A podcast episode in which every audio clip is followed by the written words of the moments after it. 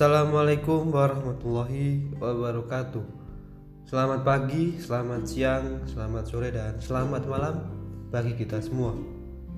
Tidak lupa, marilah kita panjatkan puji dan syukur kita kepada Tuhan Yang Maha Esa yang telah memberikan rahmat dan hidayahnya yang luar biasa kepada kita semua. Dan juga semoga kita selalu diberikan kesehatan dan selalu dalam lindungannya. Amin. Baik kembali lagi di sini di channel kesayangan kita semua pastinya. Di channel Ngopikologi Ngobrol Pintar Psikologi. Dengan saya Muhammad Felix Agung Cahyono Saya adalah audio planner dari Prodi Pendidikan Bahasa Inggris Fakultas Keguruan dan Ilmu Pendidikan Universitas Islam Balita Blitar. The Entrepreneurial University dan juga merupakan universitas terbaik di Blitar Raya. Baik pada kesempatan kali ini saya akan membahas sebuah teori yaitu teori perkembangan sosial dari Erik Erikson. Ngomong-ngomong kalau soal Erik Erikson ini dia lahir pada 15 Juni 1902 di Danis di dekat kota Frankfurt, Jerman. Sejak lahir ia sudah tidak punya ayah karena orang tuanya telah berpisah sehingga Erik dibesarkan oleh ibunya.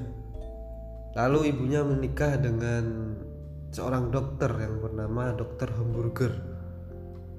Dokter Hamburger ini adalah orang berkebangsaan Jerman, sedangkan ayah kandung dari Erik sendiri adalah orang Denmark. Erik tidak dapat menyelesaikan sekolahnya dengan baik karena ketertarikannya pada bidang khususnya seni dan pengetahuan. Bahkan dia sempat berpetualang sebagai artis dan ahli pikir di Eropa eh, di tahun 1920 sampai dengan 1927. Pada tahun 1927 sampai dengan tahun 1933, Erik bergabung dengan lembaga pendidikan psikoanalisis Sigmund Freud untuk mengajar anak sehingga ia berkenalan dengan psikoanalisis Freud melalui Anna Freud. Tahun 1929, Eric menikah dengan seorang gadis Kanada yang bernama Joan Serson. Karena akan ketertarikannya pada dunia anak dan pendidikan, Erikson selanjutnya melanjutkan studi non formal sampai akhirnya menjadi seorang profesor dan mengajar tetap di California sejak 1939.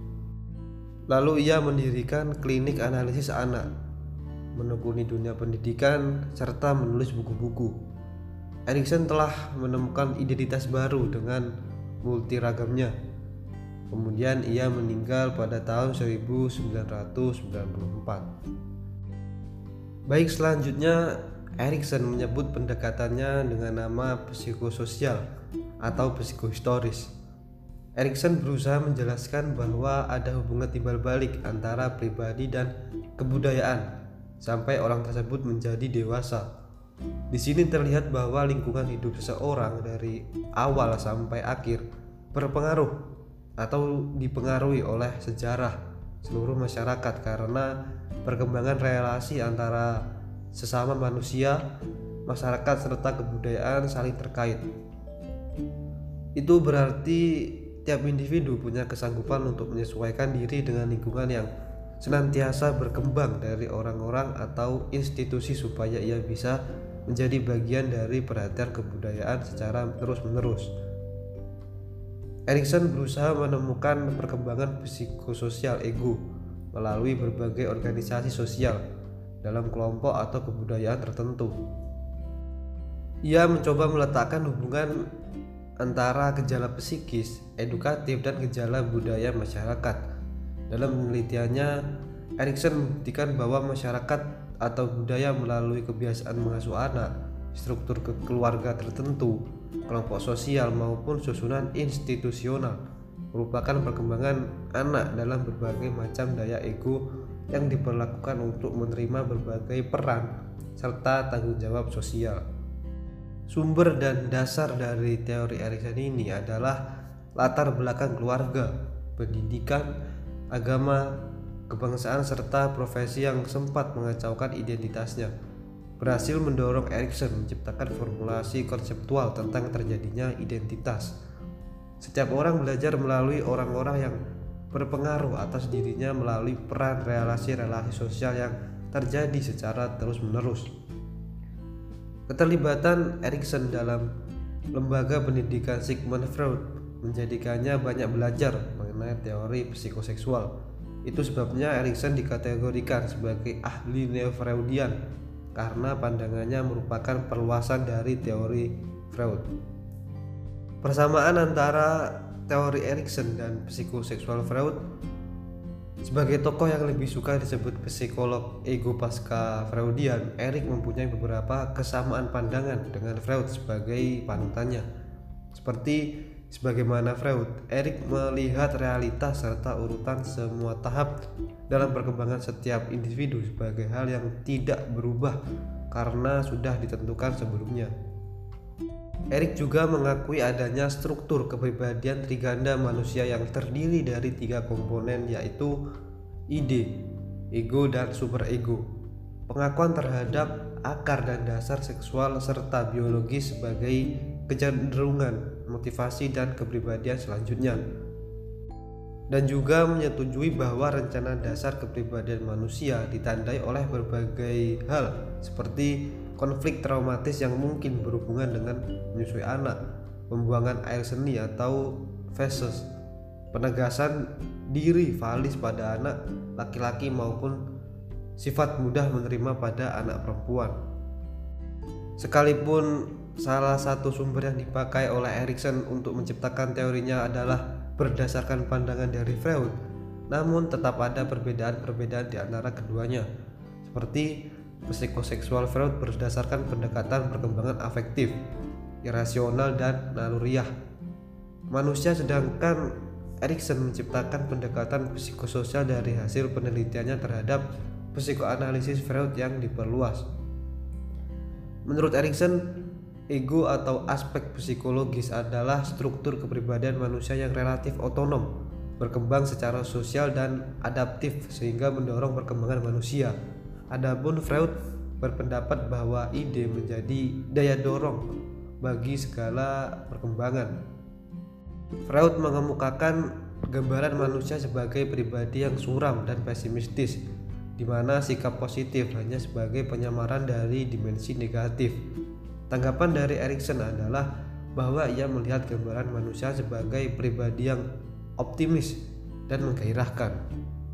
Di sini Erikson membagi tahap perkembangannya menjadi delapan tahapan dan juga ia berpendapat bahwa sepanjang sejarah hidup manusia, setiap orang mengalami tahapan perkembangan dari bayi sampai dengan usia lanjut. Perkembangan sepanjang hayat tersebut diperhadapkan dengan delapan tahapan yang masing-masing mempunyai nilai-nilai kekuatan yang membentuk karakter positif ataupun sebaliknya. Berkembang sisi kelemahan sehingga karakter negatif yang mendominasi pertumbuhan seseorang. Erikson menyebut setiap tahapan tersebut sebagai krisis atau konflik yang mempunyai sifat sosial dan psikologis yang sangat berarti bagi kelangsungan perkembangan di masa depan. Tahapan-tahapan tersebut yang pertama adalah trust versus mistrust yang terjadi pada usia 0 sampai dengan usia 18 bulan. Yang kedua adalah autonomy versus same and doubt yang terjadi pada usia 18 bulan sampai dengan usia 3 tahun.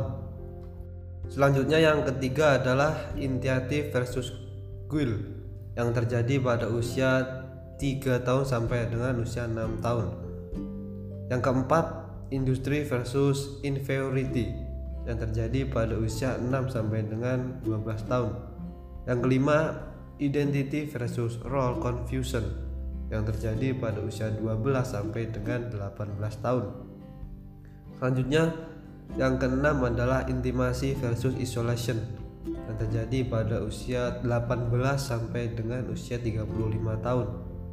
Yang ketujuh, generativity versus stagnation yang terjadi pada usia 35 sampai dengan 64 tahun. Selanjutnya yang terakhir, yang kedelapan adalah integrity versus despair yang terjadi pada usia 65 tahun ke atas.